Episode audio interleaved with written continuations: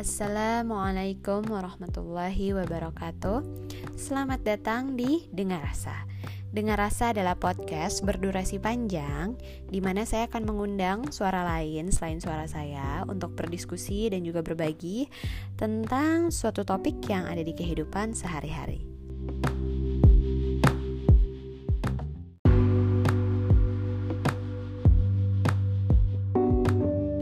Pernah gak sih ngebayangin kalau aja fasilitas publik di kota kita ini bisa diakses sama semua orang, termasuk teman-teman disabilitas.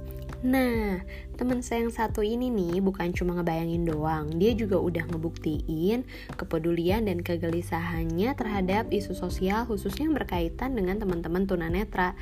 Saya sih belajar banyak banget dari teman saya yang satu ini. Nah, saya harap hmm, kamu juga. Apa sih aneh banget. Nah biar nggak aneh ya teman-teman. Langsung aja ya kita dengerin. Yuk selamat mendengarkan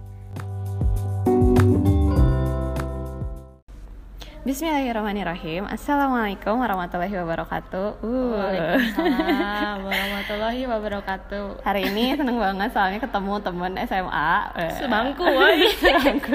Temen sebangku waktu kelas 1 ya? Kelas 1 Eh, satu SMA ya Satu kan? SMA. langsung sebangku. Namanya siapa? Boleh perkenalan dulu dan Halo. apa apa yang dilakukan sehari-hari gitu. Eh, Halo semuanya. Eh, Dengan Gita sehari-harinya Ya mostly di Tunmap, social enterprise lah startup ya kalau anak zaman sekarang bilangnya. Tapi ngajar juga, ya kadang-kadang ngurus suami juga. Jadi udah berkeluarga ya.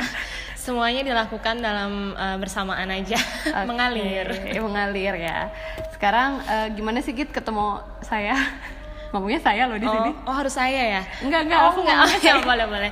Ketemu Dea, ya itu tadi kan teman sebangku, eh, teman sebangku waktu SMA kelas 1 kan, 10.5 ingat banget kan. Sebangku terus pinter gitu Dea tuh. Apa sih? Dia tuh pinter banget kayak eh, bagus bagus terus gitu lah nilainya. Jadi Eh, apa sih bohong? Beneran lebih bagus. Enggak, woy. Cuman beberapa doang matematika doang yang aku bisa, sisanya nggak bisa. Ya, itu yang paling penting kan ya Tewan. Enggak juga. Ketemunya ya udah gitu. Habis itu OSIS ya bareng mengalir terus udah gitu di ITB juga satu kampus tapi nggak beda jurusan ya. Tapi jadi pertemanannya kayak terus menerus gitu lah ya dari SMA ya. Iya. Walaupun tidak eh, saling berhubungan Iya. dengan Nggak nggak deket-deket konstan. gimana Iya, gitu ya, tapi tapi nggak- nggak jauh. tapi ya maksudnya tetap komunikasi Ah, gitu. ah. Nah, kenapa nih saya menginvite Gita ke podcast ini? Karena kalau ngeliat tuh gitu tuh kayak anti mainstream gitu kan kayak kalau orang udah S1 di eh, kampus negeri, S2 di kampus luar negeri gitu kan. Terus kalau udah balik tuh biasanya mereka kayak nyari kerjaan yang emang udah stable kah dengan rate segitu kan kayak bisa jadi apa aja gitu. Dan Gita ini anti mainstream sih jadi sta- apa pelaku startup tapi startupnya tuh yang kayak social enterprise gitu ya mungkin boleh di sebelumnya sebelum nyeritain sebenarnya itu startup itu apa tapi gimana sih kita memandang kata mulai. Jadi kalau dengar kata mulai yang di pikiran kita itu apa sih? Memulai sesuatu gitu. Harus dengan niat. Harus dengan niat ya? harus dengan niat sih. Eh, jadi ta- eh, mungkin banyak banyak berdoa juga ya. Jadi waktu itu nggak tahu maksudnya ada di ada ada waktu satu waktu di mana emang ngerasa oh ini saatnya mulai full time nih di Tunmap gitu. Oh ini saatnya aku mulai mikirin se worth it apa sih diri aku tuh gitu soalnya waktu itu juga maksudnya waktu itu ada di masa kayak misalkan aku udah uh, S2 kan terus kerja lah biasa kan langsung kerja. Dan itu lumayan tiga mau tiga tahun gitu kan. Nah waktu itu ya udah kerja kerja aja kayak biasa. Nah tapi waktu itu dia ada di masa misal waktu itu tuh ada aku harus ngerjain dua role dalam bersamaan. Mm-mm. Nah, dua role dalam bersamaan tuh di perusahaan itu. Nah, ditambah waktu itu kan si uh, Tunmap-nya itu masih part time ya. Mm-mm. Jadi kan nggak langsung kayak sekarang lah ngerjainnya tuh uh, emang sehari-hari mostly mikirin tentang Tunmap gitu ya. Kalau misalnya sekarang uh, dulu kan masih part time, masih kayak apa namanya di sela-sela kesibukan kantor kan. Nah, jadi waktu itu ada di masa waktu uh, aku udah jenuh di mana kayak ngerasa kok gua nggak di kasarnya kayak nggak dinaik naikin sih jabatan gua kayak ditambah kerjaan. Oke allowance juga ada misalnya allowance tambahan secara material ya. Allowance tambahan oke ada. Dan itu selama setahun gitu loh ngerjain dua role yang bersamaan kayak pusing banget kan. Cuman I think I did my best tapi kok uh, maksudnya nggak ada yang kayak rewarding yang emang menurut aku uh, sesuai gitu sama yang what I have done gitu loh. Ah. Nah, jadi waktu itu juga sempat mikir "Eh, ini ini aku tuh worth it-nya segimana sih? Emang cuma segini doang kayak gitu. Nah, sempat kayak gitu. Nah, terus tadi di masa mau mulai itu juga saat waktunya tuh bersamaan saat aku merasa seperti yang tadi aku bilang. Terus tiba-tiba tour map-nya tuh emang kayak diundang buat waktu itu ke London Mm-mm. buat ikut pelatihan kan. Dan itu harus dua minggu kan. Mm-mm. Ah dua minggu kan nggak mungkin ya aku cuti dua minggu kan. Nah, jadi aduh gimana nih? Maksudnya tawaran ini tuh nggak datang dua kali Ah. karena gratis kan dan itu aku senang mau banget gitu balik lagi ke UK. Nah jadi waktu itu uh, aku mikir apakah ini saatnya aku mulai untuk uh, mikirin map full aja. Nah terus bersamaan lagi sama aku nikah waktu itu. Jadi aku nikah juga aku mikirin kayak hmm, apa namanya aku udah nikah nih dapat kerjaan nih dapat macem-macem nih aku tuh kan belum berhijab tuh waktu itu duh kayak pengen berhijab nah sedangkan di kantorku yang lama itu nggak boleh untuk berhijab Ah, iya, iya. Jadi Nah, ada halangan itu juga. ada ya? halangan itu juga jadi kayak oh ya udah deh saatnya mulai deh nih tune map aja seriusin tune map Ah, gitu ah, ah, ah. toh udah selama ini juga maksudnya aku udah doing my best gitu loh Ah. in my company jadi nggak nggak nyesel apa gimana juga Hmm, gitu jadi saat itu sih Wah menarik sih tadi mulai. kita ngomongin tentang worthy ya worth Hmm. segimana worthy saya gitu. nah gimana sih ngitung worthnya kita tuh gimana gitu? Kalau saat itu ya oh, kita kayak saat itu ngitung aja. wordnya pertama bisa jadi kalau misalnya orang kan kerja pengen dapat gaji ya pertama pasti bisa dari material lah.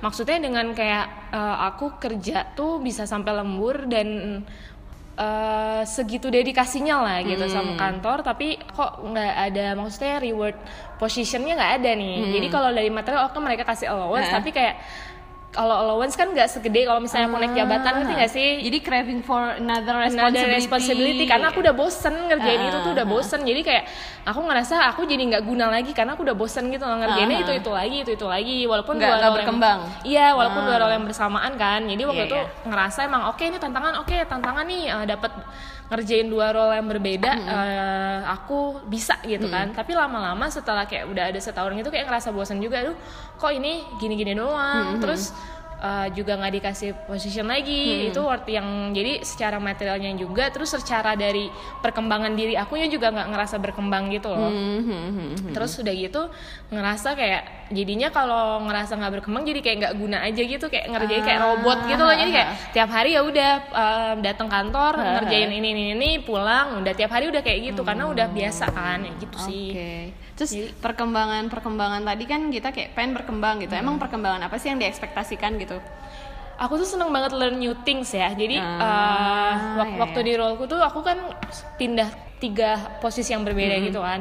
Jadi emang belajar beda-beda banget kan. Jadi nggak bosan gitu. Tapi udah saat di mana emang kayak bosan nah waktu itu akhirnya nerusin ke tour map karena uh, walaupun waktu itu aku ngerjainnya part time tuh aku tetap ngerasa tuh selalu ada hal baru gitu. Jadi aku ngerasa kayak Ah, oh ternyata tuh banyak hal yang belum aku tahu gitu. Ah, ah, ah, jadi kayak ngerasa oh iya jadi harusnya kita tuh bisa berguna buat orang lain. Nggak cuman dari sisi rezeki tuh nggak cuman dari sisi materi doang. Oh, iya terus banget. ngerasa lebih karena semakin banyak ngerasa nggak tahu jadi kayak ngerasa kita tuh kayak bukan apa-apa gitu loh. Ah, ya, ya. yang awalnya ngerasa oh waktu di kerjaan gue ngerasa udah tahu banyak nih sotoy gitu kan udah tahu banyak. Tapi pas pas ngerjain uh, si startup ini tuh kayak ah enggak deh ternyata gue kayak masih nggak tahu banyak gitu nah jadi Ah, kem- jadi ngerasa ngerasa belum worthy yang Ah. sebelumnya yang sebelumnya udah ngerasa kayak "Ah, gue worthy kok segini ya jadi ngerasa belum worthy lagi karena itu gitu jadi Ah. itu juga sih Oke oke. Terus tadi menarik deh kan kita eh, S1-nya arsitektur, S2-nya tuh apa hospitality? Eh apa sih? pariwisata tourism, Eh, and eh. hospitality planning and management panjang Planning and Management di apa tadi? di UK Di UK. uh-uh. Terus udah gitu eh, kerjanya kan di perhotelan nih. Mm-mm. Terus startup dan startup ini adalah Social. social, enterprise yang bergerak di bidang pokoknya berhubungan dengan teman-teman yang disable ya. Mm-mm. Nah itu boleh diceritain nggak gimana prosesnya dan gimana ya untuk memulai sesuatu dari yang asalnya kita bukan orang yang paham banget soal itu, terus ke situ itu gimana sih prosesnya gitu? panjang banget sih itu prosesnya bertahun-tahun sih kalau aku bilang. jadi kan awal mula aku masuk arsitektur tuh aku sebenarnya nggak terlalu suka karena jadi waktu itu ya biasalah kalau anak SMA kan pengennya masuk ITB ya masuk ITB masuk asal masuk ITB aja terus SPMB juga kayak milih pokoknya gue pengen masuk yang uh, FTI gitu yang Eh. bagus gitu kan kalau stay kan ketinggian waktu itu ya uh, Elektronika. uh, elektronika sama, Sama informatika kan informatika. ketinggian tuh Uh-uh. ah kayaknya FTI aja lah pilihan satunya tinggi juga nih nggak tahu Hmm. bisa nyampe enggak pilihan duanya pilih yang lumayan-lumayan agak Hmm. bisa lah gitu Uh. dicapai nah terus si ya udah si milihlah si SPPK Hmm. ini tapi ternyata udah masuk kan adanya planologi sama arsi tuh Hmm. tapi orang tua aku waktu itu juga nggak ngebolehin aku plano. Jadi aku Hmm. lebih pengen planologi waktu itu. Masuklah arsi. Nah di arsi waktu itu agak nyentil-nyentil sedikit terkait uh, universal design. Di mana Ah. semua di semua bangunan yang kita desain semua fasilitas yang kita desain tuh harus terakses untuk teman-teman disabel termasuk kursi roda termasuk uh, teman-teman netra semuanya kan. Nah dari situ. Tapi waktu itu nggak terlalu nge apa sih ini universal design? Udah bye gitu kan nah terus habis itu aku tuh karena kuliah ya. Hmm, kalau terus aku kan nggak suka apa namanya arsi kan ngegambar juga kayak aku ngerasa kayak gambarku tuh jelek banget dibandingkan sama orang-orang yang jago-jago gambar kan jadi kayak ya udah yang penting aku modalnya cuma rajin doang lulus aja gitu sih rajin banget sih emang. Iya rajin doang modalnya. Nah habis itu aku pengen S2 karena aku ngerasa aku nggak mau jadi arsitek gitu. Ah. Sebenarnya pengen ganti aja sih ganti ganti haluan dan kalau arsitek kan agak ilmunya tuh bukan ilmu yang umum ya. Jadi kan kalau mau cari kerjaan oke mungkin nggak terbatas di RC doang tapi tetap aja kayak bingung gitu kan mau ngapain masih bingung mau ngapain akhirnya S2 lah. Nah habis S2 itu kenapa ngambil pariwisata? Kan aku sebenarnya simpel sih suka jalan-jalan aja. Suka jalan suka di hotel suka ngeliatin maksudnya kayak oh apa namanya eh, service industry itu kayak gini. Gitu. Ya udah aku ambil itu karena aku ada planningnya juga kan. Mm-mm. Which is sebenarnya masuk agak sedikit masuk ke RC juga. Karena sebenarnya RC kan nggak belajar ngedesain doang tapi Iya. ada kayak riset masalahnya apa terus uh, ini bangunan ini cocok nggak sih kayak gitu gitu kan ada risetnya juga. Jadi nggak nggak purely gambar gitu kan. Nah jadi ilmunya itu sebenarnya ada yang kepake banget di uh, si uh, S2 ku ini. Nah di S2 itu mulai agak-agak ter mulai agak-agak mikir terkait uh, isu disabilitas itu saat aku ikut pelatihan. Jadi waktu itu ada pelatihan judulnya itu Tourism for All atau pariwisata untuk semua orang. Nah, waktu itu tuh si ta- orang yang trainernya itu itu di atas kursi roda. oh my god Dari situ tuh aku mulai kayak ah wah keren banget nih orang maksudnya dia uh, punya uh, apa disabilitas tapi tuh bukan halangan Ah, gitu bukan ya halangan. Jadi dia tetap bisa ngajarin kayak dan jelas dan emang pintar gitu kan. Nah jadi dari situ kayak mulai kebuka. Dari situ juga dia nerangin kalau karena waktu itu kontennya adalah uh, pariwisata ya. Jadi lebih ke gimana sih destinasi pariwisata itu agar bisa diakses untuk semua orang. Ah. termasuk teman-teman netra teman-teman teman tuli terus teman-teman uh, yang di kursi roda gitu. Nah jadi dari situ mulai oh oh gitu ya harusnya tuh kayak gitu ya. Maksudnya harusnya bisa diakses ya. Kayak misalnya kayak oh museum tuh harusnya ada audionya ya biar bisa dinikmatin sama Oh, teman-teman iya netra. banget. atau misalnya museum itu harusnya ada remnya biar bisa diakses sama teman-teman kursi roda atau ada liftnya. Nah kayak gitu-gitu tuh aku mulai terbuka gitu. Oh ternyata emang sepenting itu. Dan kalau misalnya ngelihat Indonesia kayak masih jauh gitu loh dari situ. Kayak kayak kalau di sana tuh mereka udah terserve gitu loh. Jadi mereka tuh hidup tuh mandiri aja gitu. karena memang fasilitasnya juga ada kan. Sedangkan kalau di sini nggak mandiri kan. Nah, dari situ mulai concern tuh sama isu disabilitas pas balik-balik ke sini. Concern sama isu disabilitas ya sebenarnya ketemu tem habis itu ketemu teman se passion aja. Ada Malik sama ada Ita. Dari situ kita kayak dan tiba-tiba Malik kita tuh kayak eh kita ikut lomba yuk ada lomba ini nih katanya gitu. Ya udah akhirnya ikut lomba ya akhirnya mulai. Dari situ juga mulai. Ah. karena dari situ mulai terus kita membawa uh, lombanya waktu itu kan tentang uh, sustainable cities ya. Jadi lomba ide sebenarnya ide ide lomba ide doang tentang data. Gimana sih caranya data itu bisa uh, membuat city itu sustain gitu ya? Ah. kota itu uh, berkelanjutan. Nah uh, aku sebenarnya pengen membawa isu disabilitas tuh karena memang di Indonesia masih kurang kan. Mm-mm. terus habis itu ketemu Malik. Nah Malik itu kan backgroundnya geologi. Nah dia pengen juga gimana kalau kita melakukan pemetaan karena mereka sering banget pemetaan. Hmm, anyway Malik tuh teman kita juga ya. Iya Satu benar-benar. SMA, ya, satu maaf ya. kuliah juga. Betul, mas, satu SMA, satu kuliah juga di ITB Iya. juga. Nah jadi ya udah dari situ terus ketemu Ita yang emang kita concern sama isu itu akhirnya Ah. memulailah kita jauh sih perjalanannya jadi Iya, iya. kepikiran ke situ emang kayak butuh ya bertahun-tahun ya Iya. untuk untuk untuk ada ide dan memulai Heeh. itu gitu. Jadi sebenarnya nggak bisa dibilang itu kayak loncat banget ya dari arsitektur, eh, tourism, pariwisata ke disabilitas tuh nggak nggak terlalu Hmm, sebenarnya enggak sih loncat ya, ya, tapi emang ada benang merahnya. Hmm. ada benang merahnya jadi proses yang panjang gitu. Jadi orang-orang kayak ini kok nggak nyambung? Sebenarnya tapi tetap aja ada lesson learn-nya gitu loh yang kita ambil Hmm. dari eh, apa namanya dari apa yang sudah kita belajar di kelas gitu Ah, kasarnya ah. gitu lah Jadi nggak nggak semua ilmu yang kayak didapat kayak gue ngapain sih belajarnya di kuliah gitu kayak nggak nyambung nggak nyambung tapi ternyata kalau dipikir-pikir oh nyambung juga gitu ya dan itu bisa Iya, jadi karena bensin untuk memulai sesuatu gitu Iya, karena kan sebenarnya kita belajar tuh nggak cuma di kelas kan, tapi Ah, that's right. sama temen terus Ah, di luar kelas yang Ah. itu juga bisa jadi proses gimana orang memulai gitu loh. Hmm, Oke oke. Terus tadi cerita tentang tune map ya. Jadi kalau yang belum tahu tune map ini apa, mungkin kita bisa jelasin nggak tune map ini apa sih sebenarnya? Sebenarnya eh, apa ya? Turmap itu sebenarnya kita lagi develop aplikasi untuk teman-teman netra biar mereka intinya bisa mandiri untuk bepergian. Nah, caranya gimana? Kita memasukkan data eh, di aplikasinya itu terkait eh, rating aksesibilitas kota. Jadi kalau ada lubang, ada tiang itu bisa dilaporkan, ada titik-titiknya kan tuh. Nanti titik-titik itu akan diinformasikan ke teman-teman netra, oh ini eh, bahaya nih di Jalan Ganesa misalnya masih banyak lubang.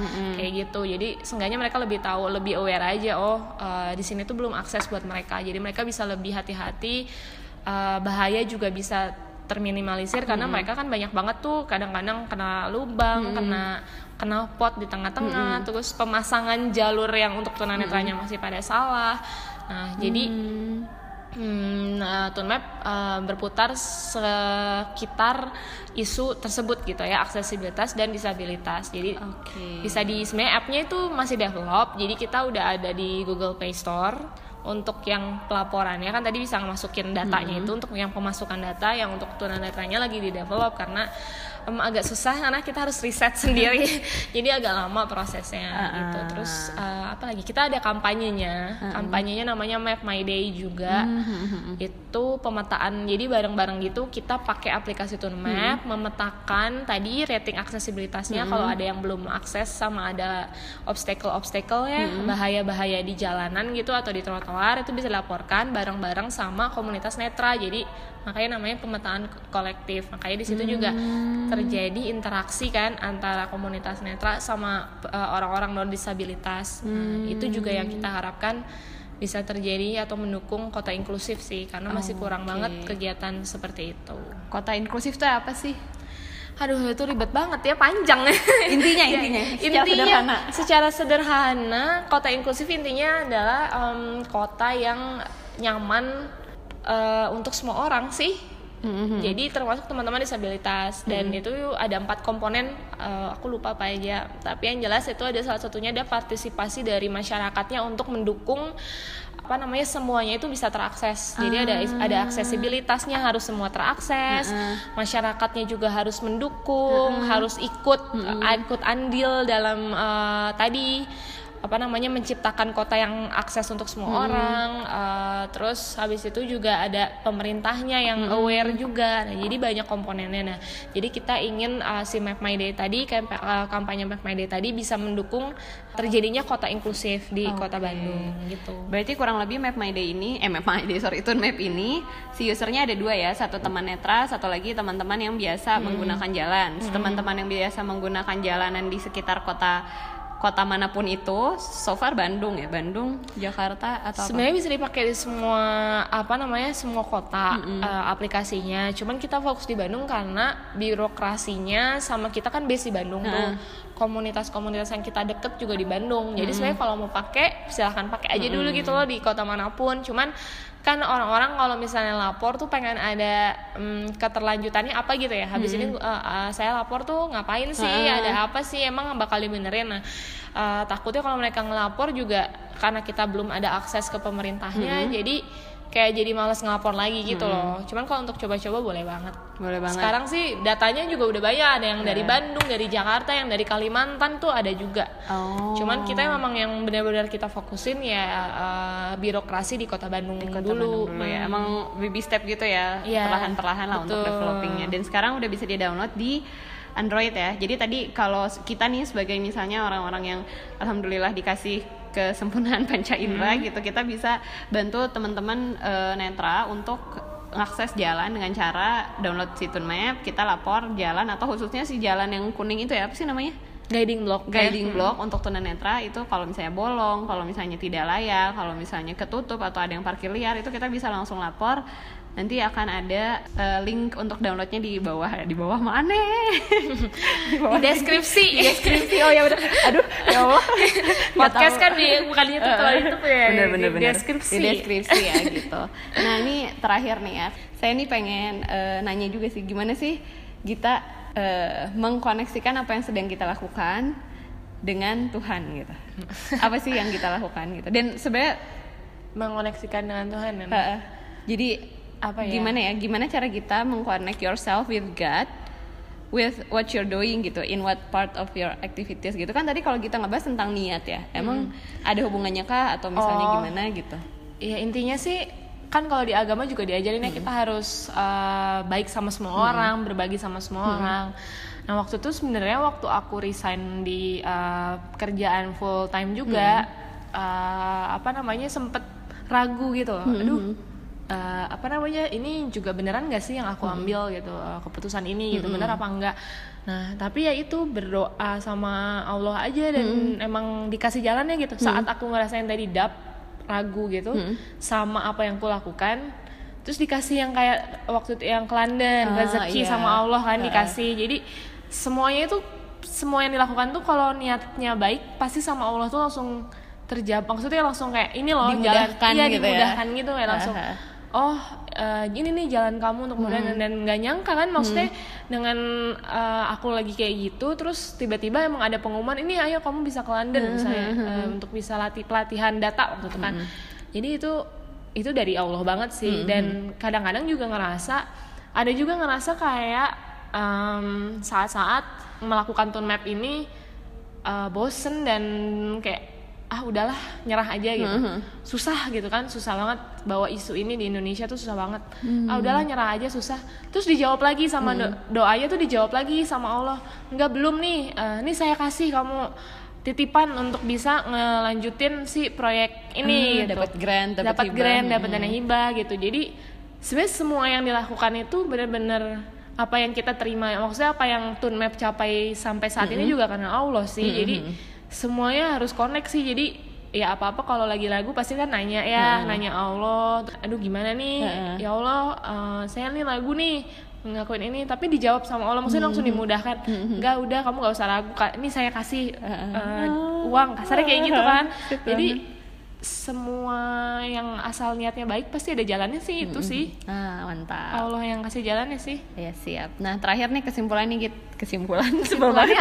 kesimpulan ada tulisannya. Kesimpulannya Maksud- apa sih yang mau disampaikan terakhir kali gitu? Terkait memulai, terkait niat, terkait keworthian. Tadi kan tadi kayak banyak banget tuh poin-poin. Terus ada lagi tune map yang dengan berbagai eh, apa ya kayak lika-likunya gitu akhirnya bisa. Jadi apa sih yang pengen kita sampaikan gitu? Intinya? Intinya tuh setiap orang tuh mulai kan beda-beda ya. Ada ada perjalanannya sendiri kayak dia misalnya memulai ingin eh jadi dosen itu kan pasti beda kan. Eh, niatnya intinya sih selalu inget niat aja sih. Jadi kita tuh mau melakukan apa sih di dunia ini? Karena kan cuman kita kan sementara ya di sini jadi harus banyak berbuat ya maksudnya berbanyak buat baik baik aja sebanyak mungkin karena rezeki tuh akan ngikutin gitu. Nggak selalu itu terus Dan bentuknya nggak cuma bentuknya nggak cuman money nggak cuman money gitu karena rezeki sehat aja rezeki. Betul betul betul. terus eh, intinya juga proses orang tuh pasti ada macam-macam panjang-panjang jadi jangan ngerasa kayak oh dia udah sampai karirnya udah sampai atas karirnya udah sampai wah udah keren banget sedangkan gue belum karena ya mungkin dia memulai dengan proses itu udah lama gitu loh. Nggak nggak sama sama kita karena tiap orang kan beda-beda gitu. Jadi banyak-banyaklah berbuat baik kali ya.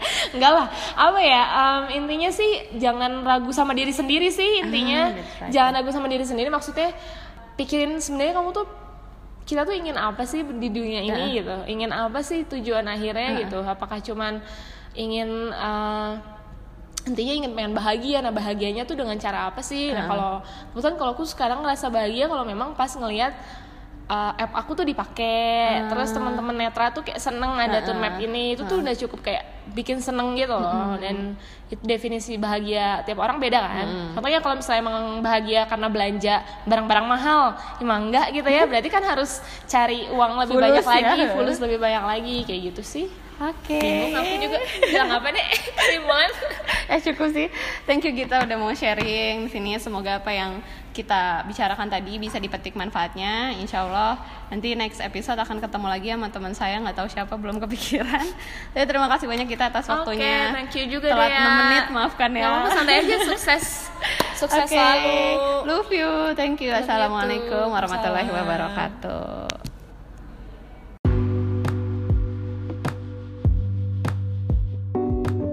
Seru nggak sih? Gimana sih sesuatu itu ya? Produk kita itu yang kita harap impactnya itu buat orang lain besar ternyata dalam keberjalanannya justru impactnya malah ke diri kita sendiri khususnya perkembangan jiwa kita. Nah, saya harap sih obrol-obrolan saya dan Gita ini bisa jadi pemercik semangat, pemercik asa, keberanian buat teman-teman untuk memulai sesuatu. Kalau misalnya teman-teman ngerasa nih masih ada uh, kegundahan, gundah gulana gitu atau mau sesuatu ada yang didiskusikan, mau ngasih kritik atau saran boleh langsung aja email saya ke dealearnsomething@gmail.com. Saya harap bisa ketemu teman-teman lagi di episode selanjutnya. Wassalamualaikum warahmatullahi wabarakatuh.